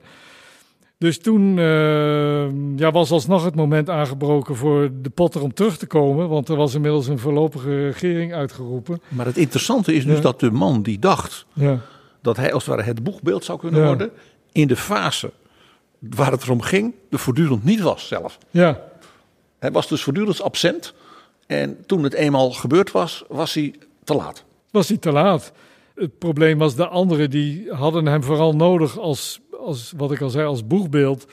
Maar er openbaarden zich al heel snel ook scheurtjes in die voorlopige regering. Omdat, kijk, het ene, dat is de, misschien wel de, de kern van de reden waarom eh, je nu zou kunnen zeggen van die hele Belgische revolutie was misschien eigenlijk een, had een onbedoelde uitkomst dat al de oppositie was het wel eens over wat men niet wilde, namelijk het bewind van Willem I, in ieder geval zijn beleid. Maar men was hopeloos verdeeld over wat men dan wel wilde. En daar kwam men eigenlijk veel te laat achter. Toen eigenlijk invulling moest worden gegeven aan die voorlopige regering, ja, toen kreeg je al snel weer dat, eh dan kreeg je orangisten, monarchisten, republikeinen, francofielen. Eh, iedereen probeerde alsnog dat eindresultaat in zijn richting te plooien. Hoi, ik ben Alexander Klupping. Ik weet dat jij, net als ik, met heel veel plezier luistert naar betrouwbare bronnen. Maar je zou Jaap en PG echt helpen als je nu vriend van de show wordt. Dat kan met een donatie, per maand of per jaar. En dan kunnen ze nog veel meer afleveringen maken en zeg nou zelf, dat wil jij ook. Dus ga nu naar vriendvandeshow.nl slash bb. En doe het niet straks, maar nu. Er waren dus ook mensen die nog steeds aan oranje hingen. En in een hele late fase van dit hele verhaal Uh, ik kijk op pagina 335 van, van uw boek. Daar zit een, wel een heel merkwaardige uh, episode. Want in feite was alles al verloren voor Willem I. Maar toen was ineens de zoon. De kroonprins. Die dus altijd wel populariteit had gehad in het Ja. zuiden. Uh, die kwam met een proclamatie. En uh, daar wist zijn vader niks van. Kijk, op een gegeven moment was het leger was toen in eh, Brussel al uitgejaagd. En het was toen echt een kwestie van tijd voordat ze het, eh, de hele zuidelijke Nederlanden onder controle zouden hebben. Er waren zelfs wat radicale figuren die wilden eigenlijk wel oprukken tot de Moerdijk. En dan ook meteen Brabant en Limburg maar voorgoed bij het zuiden voegen. Dan zou het, dan zou het nog ernstiger zijn, het uh, Ja. eindresultaat voor het noorden. Ja, precies. En, uh, maar goed, de, de, er waren gelukkig ook wel een paar mensen in die voorlopige regering die zeiden dat moeten we misschien niet doen, want we hebben nu alle steun van de, van de Europese mogendheden nodig om ons te kunnen legitimeren. Dan moeten we niet ook nog eens het noorden willen gaan veroveren, want dat, uh, dat zal niet geaccepteerd worden. De kroonprins, uh, prins Willem, ja, die deed dus een wanhopige poging bij zijn vader om nog uh, iets te redden wat er te redden valt. En vroeg dus een mandaat om zelf zich dan aan het hoofd van een, uh, zeg maar het, het, het, gezag in de nog onder controle staande provincies op te werpen. We kregen hier dus een prins van Oranje ja. die tegen zijn vader zei: Er is een opstand tegen u ja. en uw bewind en het Oranjehuis. En maak mij nou de leider van die opstand. Zo, dan kunnen we misschien de zaak ja, nee, beredderen. Nee, het was een tweetrapsraket. Hij had van ah. zijn vader wel toestemming gekregen om in Antwerpen een soort tegenregering te vormen. Want in Antwerpen was ook nog steeds uh, de legerleiding. Ja, dat was van ouds ook een orangistische stad. Antwerpen-Gent en iets minder mate Brugge. Dat Generaal waren, Chassé. Ja, vanuit Antwerpen heeft hij dus geprobeerd contact te leggen met de voorlopige regering in Brussel. En die hadden zoiets van, ja zeg, bekijk het nou, daar gaan wij toch helemaal niet meer op in. Wat, wat hij poogde nou dus nog? toch een soort deal met de ja, revolutionaire deal besluiten ten koste van, van, zijn vader. Ja, en uh, dus de, daar, die, die, daar kreeg hij geen poot aan de grond. En toen zei hij nog, het enige wat ik nu nog kan doen, is mijzelf aan het hoofd stellen van de zuidelijke, uh, van de afscheidingsbeweging, zeg maar. En mijzelf, ja dat had hij natuurlijk het liefste gewild, uitroepen tot onderkoning van België. Dat laatste mocht hij niet, maar zijn vader heeft hem wel toegestaan in het geheim om zich min of meer op te werpen als, uh, als leider van de, van de zuidelijke oppositiebeweging. Alleen toen hij dat ook daadwerkelijk deed met die proclamatie, die hij niet aan zijn vader had voorgelegd. Ja, want Willem I zei toen in de troonrede.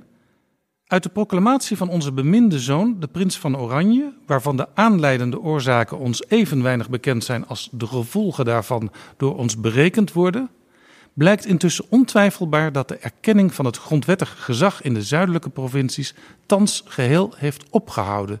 Dus Willem wist gewoon, het is voorbij. Het is voorbij, ja. Maar het was dus, uh, dat heeft zijn zoon hem heel erg kwalijk genomen. Zijn vader wist wel degelijk wat hij zou gaan doen. Hij heeft weliswaar die tekst niet van tevoren gelezen, maar het was natuurlijk ontzettend laf van hem om uh, op de elfde uren plotseling te zeggen: Ja, ik weet ook niet wat hem bewogen heeft om dit te gaan roepen, maar uh, heeft hij niet aan mij toestemming voor gek van, van, gekregen. En hier zien we iets. We zien ja. hier dus de koning die de troonrede gebruikt om te zeggen: Ja, wat die zoon van mij allemaal doet. Die is nu ineens een revolutionair geworden. En daardoor is mijn gezag in de zuidelijke provincies nu helemaal weg. Je moet maar durven. En ik zie een patroon. Want ja. We hebben het met Van Hogendorp gezien. We hebben het Valk, waar hij ongelooflijk dankbaar voor moest zijn. Ja. Van Manen, die hij eigenlijk zeker zin ook dankbaar ja. moest zijn. Want die werkte zich helemaal te pletter. En liet zich beschimpen hè, voor de koning. En ook zijn zoon. De koning was eigenlijk intens deloyaal in zijn gedrag. Maar in dit geval was natuurlijk ook de, de, de kroonprins had gewoon ook in moeten zien dat dit gewoon een heel slecht plan was. En het punt is een beetje, dat is ook de tragiek van die Willem II, uh, of de, de, de, latere Willem II. Die zag heel goed in hoe de hazen liepen in het zuiden, maar hij durfde gewoon niet te breken met zijn vader. Elke keer zei hij dus tegen de zuidelijke oppositie, ja jullie hebben gelijk, ik zal het aan de orde stellen, misschien moeten we het zomaar doen. Maar dan zei zijn vader weer, ja maar dat gaat helemaal niet gebeuren, want uh, ik ga mijn gezag niet zomaar opgeven. En dan koos hij dus weer voor zijn vader. En daar is hij niet uitgekomen. En uh, dat is zijn grote tragiek. En hij is dus ja, eigenlijk met de staart tussen de benen uiteindelijk uit Antwerpen vertrokken. Eh, Ik denk ook als hij nog langer gebleven was, had hij nog het risico gelopen dat hij gevangen was genomen door, de, door het eh, inmiddels Belgische leger. PG zei het al eerder, eh, dit was eigenlijk ook een Europese aangelegenheid, deze scheuring. Eh, Die eenheid die was bevorderd door de grootmachten. Maar toen het misging, toen grepen ze niet in. Het is heel opmerkelijk dat koning Willem I ook in dat opzicht dus niet de finesse had om in te schatten als dit gebeurt en ik doe die koers, dan kan ik op die en die en die zeg maar collega-vorst, hè, die allemaal dat congres van Wenen hadden getekend, zo gaan we het doen, kan ik rekenen.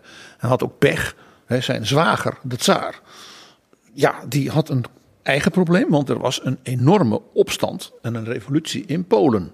En ja, de tsaar had natuurlijk heel veel sympathie hè, voor de familie van Oranje, eh, van zijn zus, eh, daar de kroonprinses.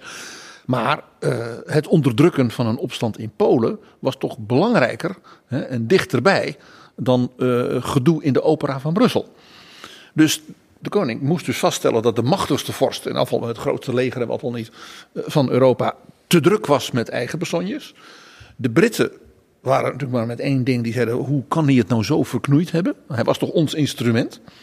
En die waren eigenlijk maar met één ding bezig. Als Frankrijk maar niet Ja. greep krijgt, en dan ook nog via een soort revolutionair bewind, op Antwerpen en op de voor de Britten zo strategisch gelegen Vlaamse kust. Ja, maar Willem de Bruin, Willem I, die gokte hier wel op hè, dat er toch een soort van oorlog om hem te steunen zou uitbreken. Ja, hij, eh, hij redeneerde van, ik ben eigenlijk op het schild gehezen door de grote mogendheden. Dus moeten ze mij redden. Dus eh, nu het koninkrijk buiten mijn schuld, want zo zag hij dat natuurlijk, door allerlei intriges eh, dreigt te worden ontmanteld. Ja, is het toch niet meer vanzelfsprekend dat zij mij nu helpen om mijn gezag te herstellen. Maar ja, de, de- dat was een totale misrekening. Wat PG al zegt, van de tsaar die had sowieso andere dingen aan zijn hoofd. Maar bijvoorbeeld ook in het Rijnland was ook onrust, omdat die juli-revolutie in Parijs, die vond ook elders in Europa weerklank. Ja, je had toen ook al de, de opkomst van de kranten, dat beperkte zich natuurlijk niet tot de Nederlanden. De, het nieuws verspreidde zich in die tijd al steeds sneller. Dus men wist eigenlijk overal al wat er gaande was. Dus al die vorsten die hadden zoiets van, eh, we moesten ons hier misschien maar niet te veel mee gaan bemoeien. Althans, niet gewapende hand tussen beiden komen en kijken hoe wij ons belang langs diplomatieke weg kunnen veiligstellen. En de koning van En, Pruisen eh, op dat moment was een buitengewoon wijfelmoedige man. Die was ook heel bang dat zo- zulke dingen als in Brussel gebeurden in de opera, dat dat in Berlijn ook zou gebeuren. En in het Rijnland, wat natuurlijk sterk katholiek was. Dat die, net als in de Nederlanden, hè, dan ook weer een soort katholieke eh, eh, revolutie zou ontstaan. Dus Pruisen dacht, oh, vooral je er niet mee bemoeien. Nou, de koning van Frankrijk, hè, die zat er net. Die dacht, ja, ik ga niet als eerste daad een oorlog beginnen. En zo konden de Britten eigenlijk weer hun oude spel spelen. Door al die vorsten te zeggen, hou je koest, hou je koest. Wij gaan het wel regelen. Ja, en toen was de scheuring daar. En eigenlijk ook wel een beetje om de grootmachten gerust te stellen, ging het nieuwe bewind ging op zoek naar een nieuwe koning. En dat werd Leopold I. Die zoektocht had heel wat voeten in aarde. Eerst moest er natuurlijk een, eh, een nieuwe grondwet worden aangenomen. En in die grondwet was natuurlijk de belangrijkste vraag die daarin moest worden beantwoord was... worden we een republiek of een monarchie? Dat pleit werd al snel beslecht door de monarchisten die eh, heel goed om zich heen hadden gekeken... en snapten dat een republiek voor de mogend, grote mogendheden een stap te ver zou zijn geweest. Het was dus echt een pragmatische stap. Het was een pragmatische keuze, omdat zij wel inzag een, een scheuring van het koninkrijk. Het is al een wonder als, we dat, als ze zich daarbij neerleggen dat wij onafhankelijk worden. Maar dan ook nog meteen een tweede revolutie eroverheen door een republiek te worden. Dat zou waarschijnlijk niet geaccepteerd worden. En het merkwaardig zou zijn Ja. geweest dat we dus een soort omkering in de geschiedenis van de Nederlanders zouden hebben gehad. Namelijk dat de oude republiek met zijn vrijheidsgedachte en eh, wat al niet van de, van de Gouden Eeuw zou dus een soort half tsaristisch koningshuis houden. En de zuidelijke Nederlanden die al die tijd door Spanje en later door de Oostenrijkse Habsburgers waren geregeerd. Ja, in klassieke absolutistisch-katholieke zin zou een liberale republiek worden. Ja. Toen moesten vervolgens nog de, zeg maar, de reunionist, zoals ze werden genoemd, de voorstanders van aansluiting bij Frankrijk worden uitgeschakeld. Want die zagen nog ook nu hun kans gewoon van... oké, we hebben uh, ons nu losgemaakt van Nederland. De volgende stap is dus aansluiting bij Frankrijk. Als dat niet lukt, wat natuurlijk eigenlijk van meet af aan wel duidelijk was... dat dat nooit zou gaan lukken, dan in ieder geval een Franse koning... Want dan is op termijn die aansluiting komt dan ook vanzelf wel. En er waren ook altijd Bourbon-prinsen genoeg. Er waren altijd prinsen genoeg. Prinsen genoeg. En, maar dat was natuurlijk voor Engeland totaal onaanvaardbaar. Een Franse, een Franse koning op de Belgische troon, dat ging natuurlijk nooit gebeuren. En toen had men de joker in de pack. Ik gebruik bewust het Engelse woord. Men had een Duitse prins van het huis Saxen-Coburg. Maar die werd door de Britten als Engelsman naar voren geschoven. Want hij was de weduwnaar van de kroonprinses van Engeland. Hij was bekend al als adjudant van Napoleon als de mooiste man van Europa. En die Engelse prinses had dus deze Leopold gezien van Saxen-Coburg en was in één keer, she was smitten, zoals dat in de dagboeken van die tijd stond. Ja, saillant detail trouwens, zijn uh, weduwe, hij was dus al weduwnaar toen hij aangezocht werd, is ooit verloofd geweest met uh, Willem II. Dus de kroonprins de Nederlander was haar verloofde. Ja. En dat werd niks. En zij zag die Leopold. Goede tijden, slechte tijden. Het is een film, ik zei het al. Dit kan zo in een Netflix-serie. En die Leopold trouwt dus met Charlotte. En die sterft in het kraambed van hun eerste kind. En dus hij was een ja, Duitse prins. Met een grote Europese uh, netwerk, want hij had voor Napoleon gewerkt. En, uh, Op zoek naar een functie elders. En die zocht een functie elders, want de Britten wilden hem ook eigenlijk wel kwijt. Want ja, hij zat daar in Londen. Uh, op kosten van de Britse schatkist. Op kosten van, ja, als weduwnaar, hij moest daar een paleis hebben en dit en dat. Ja. En hij was heel duidelijk, heel nadrukkelijk niet hertrouwd. Dus het was, hij was dus politiek ook slim. Hij dacht, zolang ik de weduwnaar ben van de kroonprins van Engeland, ben ik te hebben.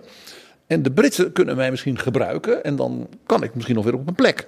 En deze, dus buitengewoon slimme, politiek slimme Leopold, met een groot netwerk in Europa, die werd door de Belgen als het ware cadeau gedaan vanuit Londen. Moet nog wel even voor de volledigheid toch even genoemd worden dat de, uh, de Nederlandse kroonprins ook nog een, even een schaduwkandidaat was omdat die orangisten in, in het zuiden, die waren beslist nog niet uitgeschakeld. Ja, het was dus niet alleen uh, Van, de, de, kroonprins zelf die dat op een gegeven moment nog wel in gedacht had, maar dat, daar was nog wel aanhang voor. Er waren nog wel mensen die zeiden van ja, maar misschien, al is het maar voor onze, vanwege onze economische belangen, moeten we toch niet bij voorbaat alle alle uh, banden met het noorden willen doorsnijden. Ja, want bijvoorbeeld lees, uh, lees, ik in het boek de, de, de stad Gent en andere steden... Ja. die waren ook bang dat ze hun afzetmarkt in Nederlands-Indië ja. kwijtraakten. En er is dus nog twee keer, ik, ik, ik, kon dat helaas niet verder uitdiepen, want dan zou het boek nog dikker zijn geworden. Maar op ontzettend amateuristische wijze een poging tot staatsgreep gedaan van de orangisten in het zuiden. Om alsnog de, uh, de kroonprins op de troon te kunnen hijsen. Hoe ging dat dan? Dat ging uh, ja, met omkoping, uh, uh, omdat er ook in het Belgische leger veel ontevreden officieren waren die allemaal hadden gedacht dat ze meteen na de afscheiding generaal zouden worden. Zo werkt dat vaak. En, dus tot, die konden misschien wel teruggekocht worden. teruggekocht. En, uh, maar dit doet, weer, dit doet toch weer een beetje denken aan 1672, hoe de orangisten de gebroeders De Wit via een staatsgreep uh, als het ware onthalst hebben, ja. om dus zelf aan de macht te komen. Nee, en dat maar, Huis van Oranje, dat, is, dat heeft toch hele aparte momenten in zijn geschiedenis. Dat ja, blijkt ook Nee, maar ze hadden, ze hadden onder, de, onder de zuidelijke elite waren beslist nog wel aanhangers en voorstanders te vinden van een Oranje op de troon. Alleen, die hadden totaal geen aansluiting bij het volk. En het, uh, het volk werd voortdurend uh, op sleeptouw genomen door die radicalen van... Want het ging natuurlijk heel slecht met de economie. Ja, wat weet je, het land werd amper nog bestuurd op dat moment. En die konden dus voortdurend zeggen, ja, dat is allemaal maar de schuld van die Oranjes. Als we daar nou maar eens voorgoed vanaf zijn, dan wordt alles weer beter. Dus, de, de, dus iedere keer als zij dachten dat ze die arbeiders konden mobiliseren, ja, dan mislukte dat weer.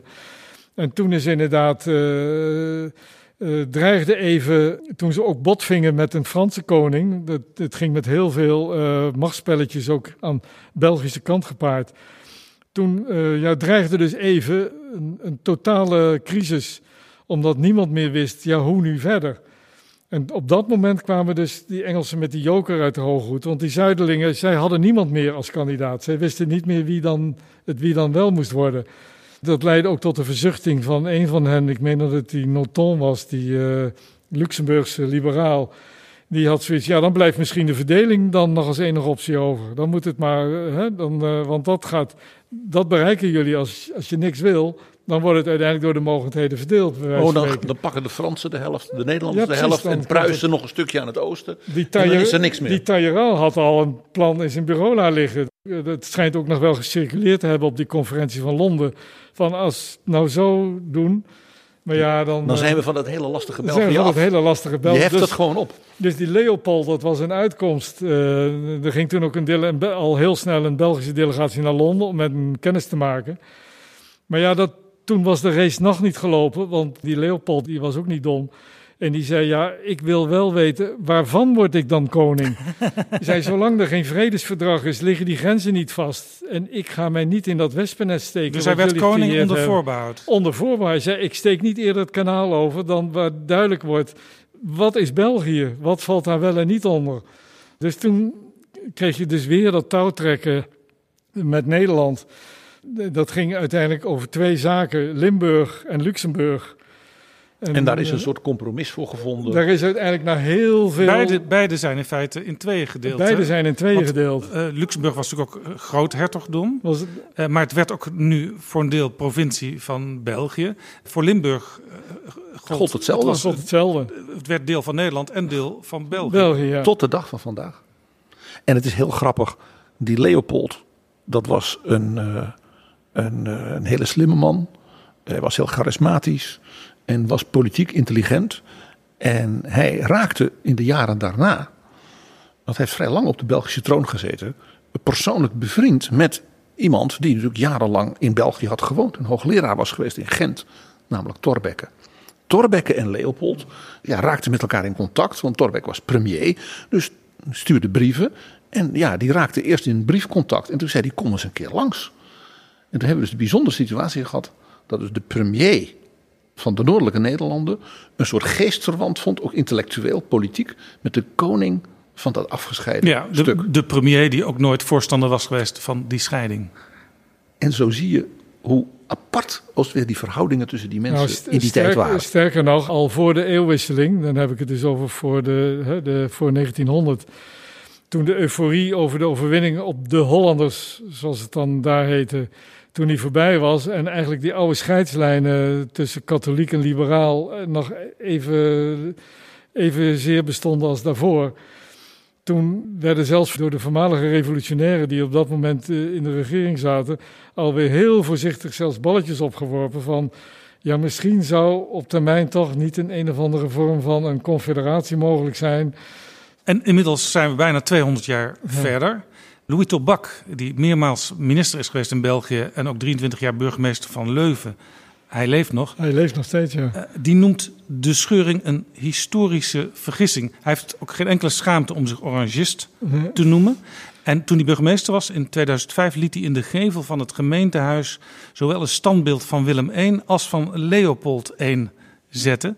Heeft Louis Tobak gelijk? Eh, Zijn we ook, nu we dit boek weer gelezen hebben, De scheiding die niemand wilde, zijn we hier getuigen van een historische blunder?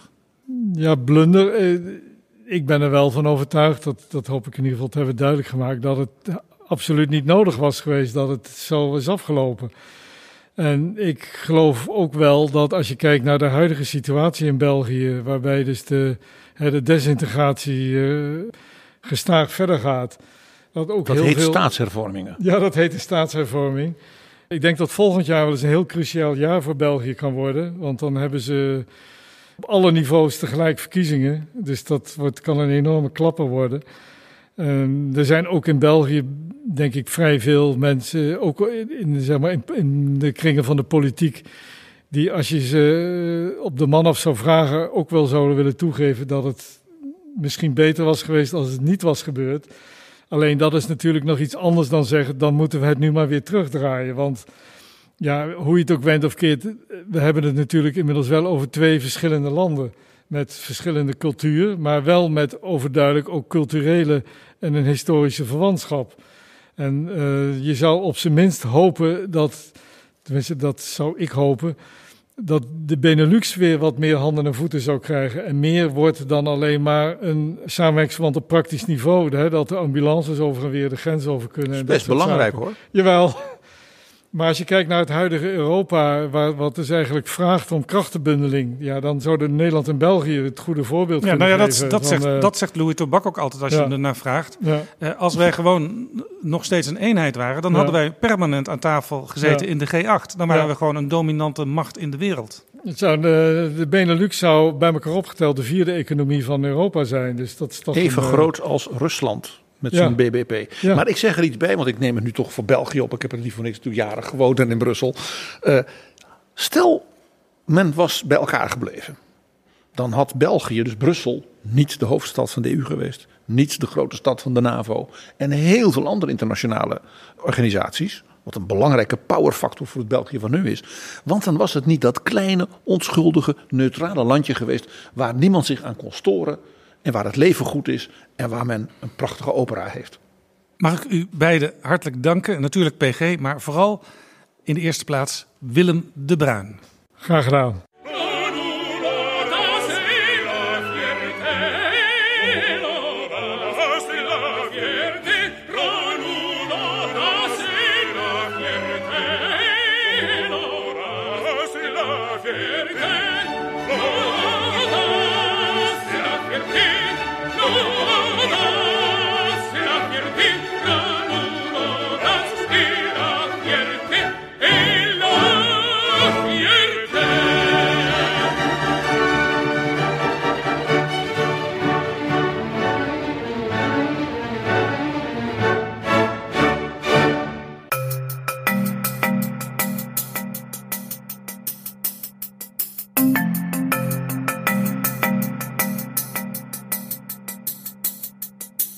Zo, dit was Betrouwbare Bronnen, aflevering 373. Deze aflevering is mede mogelijk gemaakt door de vrienden van de show. Wil jij ons ook helpen met een donatie?